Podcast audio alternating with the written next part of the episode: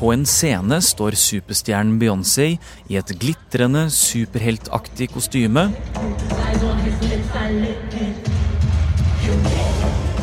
Og Stockholm er det aller første stoppet på en lang verdensturné. Derfor har folk fra hele verden tatt turen til Sveriges hovedstad.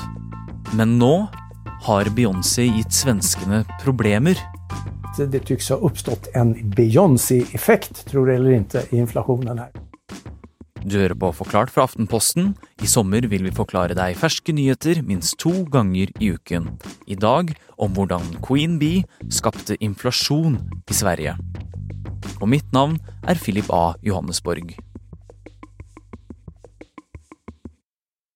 10. mai var den første av to konserter som starta Beyoncés eh, nye og pågående verdensturné Renaissance World Tour, og dette er hennes første soloturné på sju år. Marianne Stensland er journalist i E24. Beyoncé Carter Knowles blir regnet som en av vår tids aller største og viktigste artister, og de siste årene så har hun jo knapt hatt solokonserter. Og man kan jo nesten påstå at hele verden har hørt om Beyoncé, eller i hvert fall hennes hits. Men la oss likevel ta en kjapp oppsummering av denne dama. altså Beyoncé, er 41 år gammel og har satt et ganske tydelig avtrykk i musikkverden de siste 26 årene. Hun startet tidlig med musikk og sang, og 90-tallet var hardt preget av stemmen hennes og resten av jentene i gruppa Destiny's Child. Say my name, say my name. No one is around you. Say, baby, I love you. Og herifra går det bare opp, opp, opp for dronningen. Hun går solo i 2006, gifter seg med rapperen Jay-Z og får et par unger, og samtidig lager hun hit på hit på hit.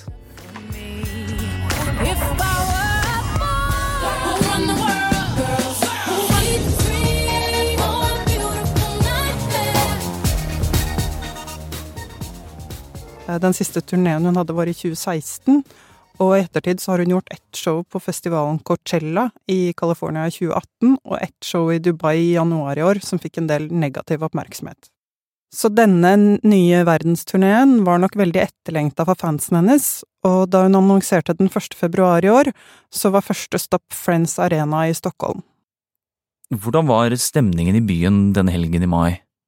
Nei, køene inn til arenaen var lange, og folk hadde kommet reisende fra blant annet Frankrike, Brasil og USA.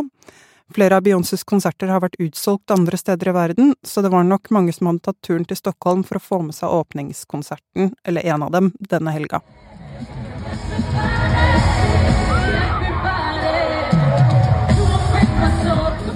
Det er anslått at rundt 90 000 Beyoncé-fans reiste til Stockholm denne helgen.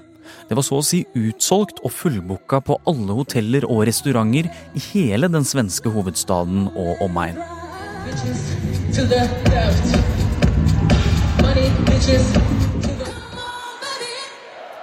Og blant de besøkende var anmeldere fra store internasjonale aviser som The Rolling Stone Magazine og The Guardian. Fra Norge dro bl.a. Dagsavisen, som beskrev konserten som spektakulær.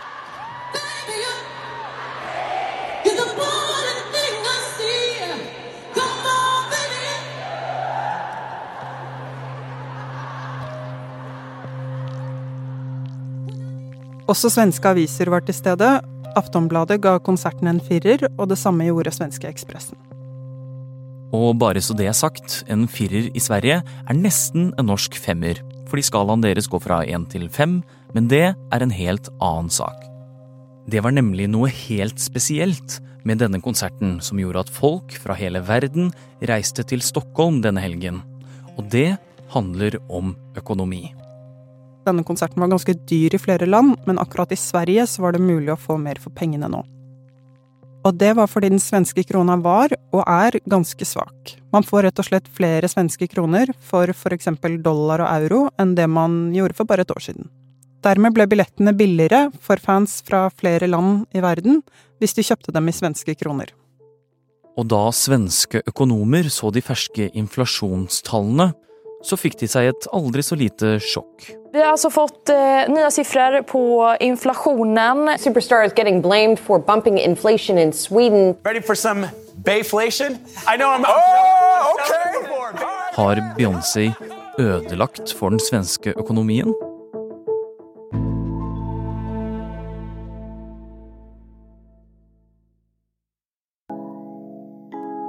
Aldri før har den svenske kronen vært svakere målt mot euro. Selv om den svenske sentralbanken har hevet renten, har det hatt liten effekt på kronen. Det står ikke så bra til med økonomien i Sverige. Den svenske inflasjonen er rekordhøy for tiden, eh, og man må nesten 30 år tilbake i tid for å se lignende tall og vi i Forklart har for ikke så lenge siden laget en episode om hvordan inflasjon fungerer. Men her får du likevel en liten oppfriskning. Inflasjon er kort sagt når prisen på varer og tjenester går opp over tid. Og i mai så var den svenske inflasjonen på 9,7% altså nesten 10% målt mot samme måned året før. Så enkelt sagt så kan man si at det du betalte 100 kroner for i Sverige i fjor på denne tiden, betaler du nå 110 kroner for. Prisveksten i Sverige har vært kraftig det siste året, og i desember hadde de den høyeste inflasjonen på 30 år. Da var den på over 13% Og siden så har den sunket litt, eh, og det er ventet at den vil avta utover i 2023. Altså, bare for å ha det sagt, inflasjon er ikke nødvendigvis en dum ting. Det er først når det blir for mye inflasjon at problemene oppstår.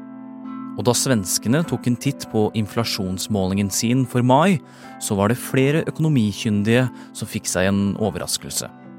Jo da, målingen og inflasjonen var litt høyere enn ventet, men det var ett bestemt område hvor man kunne se denne økningen, nemlig kultursektoren.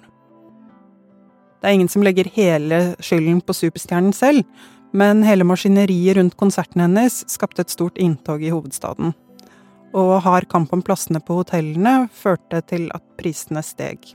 Og alle disse menneskene de skal jo også ha mat, og så skal de kanskje reise, dra på bar og handle, så det bidrar til mer press i økonomien. Så da kan man tenke seg at når det kommer turister fra USA og Europa med dollar og eurolapper, som er ganske mye sterkere enn den svenske krona, så får de mer for pengene sine. Dermed får de bedre råd, og så bruker de kanskje også litt mer penger også. Så en svak svensk krone tiltrekker seg flere turister og øker kjøpelysten. Det gjorde at svenske økonomer mente at Beyoncés konserter økte Sveriges inflasjon med 0,2% Men Marianne, 0,2% det er ikke så mye? Nei, men det er ganske spesielt at det faktisk slår ut på tallene. En sjefsøkonom i Danske Bank beskrev det som ganske forbløffende for en engangshendelse. Av eh, de her siffrene som kom ut i dag, overraskningsmomentet, så kan man si at Beyoncé stod nå i alle fall for to tiondeler ekstra eh, av seg selv. Men selv om den svenske inflasjonen fortsatt er høy, så venter økonomene at svenskene har nådd toppen, og at den vil falle, sånn som man ser antydninger til flere steder i verden. Det at Beyoncé kjørte to konserter i Stockholm i midten av mai, har nødvendigvis ikke hatt noen varig effekt på økonomien, men det er interessant at det i det hele tatt merkes. Én ting er Sveriges inflasjon. En annen ting som våre naboer må bale med, er det faktum at de har en veldig liten valuta, sånn som oss her i Norge. Og det betyr at vi begge to er sårbare for svingninger i markedet. Og det er det som gjør at både den svenske og den norske krona ikke har det så bra for tiden. Når markedet er ustabilt, er det færre som tør å handle med små valutaer. Og nå som det er krig i Europa og generelt dårlige tider for verdensøkonomien, så kjennes det ekstra godt på de små valutaene. Men til forskjell fra Norge, så er Sverige medlem av EU, og kunne derfor valgt å bruke en større valuta, nemlig euro. Så hvorfor har de ikke valgt å bruke euro, Marianne? Det var blant annet for å kunne drive sin egen pengepolitikk, og dermed være mer fleksible. Med en egen valuta kan svenskene altså bestemme mer over egen økonomi med nasjonale rentehevinger, blant annet. På den måten har de litt mer kontroll på sin økonomiske vekst og inflasjon. De landene som bruker euro, må forholde seg til mye av den samme pengepolitikken, selv om den økonomiske situasjonen kan være ulik dem imellom. Men akkurat nå opplever svenskene en mer ustødig økonomi, fordi den svenske krona er så skjør i det store verdensbildet. Men det er ikke bare svenskene som opplever humper i økonomien nå. Den norske krona er også sårbar for svingninger i markedet når det blir usikre tider. Samtidig så er det også forskjeller mellom den svenske krona og den norske. Eh, den svenske er bl.a. mindre knytta til energipriser, og svenskene har generelt en økonomi som ligner litt mer på de europeiske landene. Norge er ganske annerledes fordi vi har oljesektoren, som betyr så innmari mye for økonomien vår. Og hvis du, med dine norske kroner, er på utenlandsferie i sommer, så må du forberede deg på at kontoen din tømmes raskere enn den ville gjort på den samme ferien i fjor. Men de som derimot er fra et land med euro eller dollar, for dem blir det motsatt.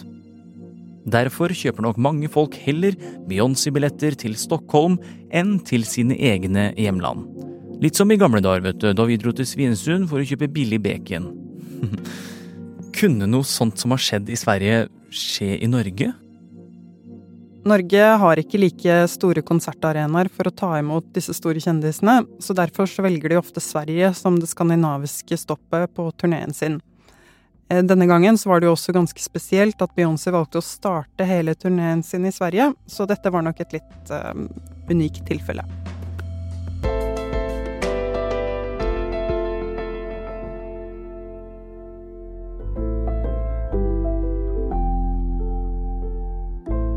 Du har hørt en podkast fra Aftenposten. Det var Marianne Stensland fra E24 som tok deg gjennom den såkalte Beyoncé-effekten i Sverige. Du har hørt lyd fra YouTube-kanalen til Den danske bank Sverige, mens lyden av Beyoncés konserter er tatt opp av Hanna Nordlien Berg og hentet fra TikTok. Du har hørt sanger fra artisten Beyoncé og fra Destiny's Child.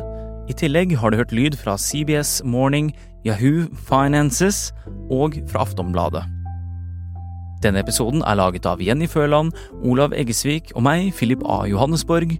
Resten av Forklart er Synne Søhol og Anders Weberg. Jo, og forresten, jeg vil gjerne takke for at du har lyttet til Forklart. Dette her var min siste episode. Angrepet 25.6 i fjor kunne ha vært eh, avverget. Og til slutt så vil dette trolig påvirke krigen og da særlig Ukrainas planer. Den norske kronen den ligger nå på intravenøs behandling. Den er ekstremt svekket. Den har det fælt, rett og slett.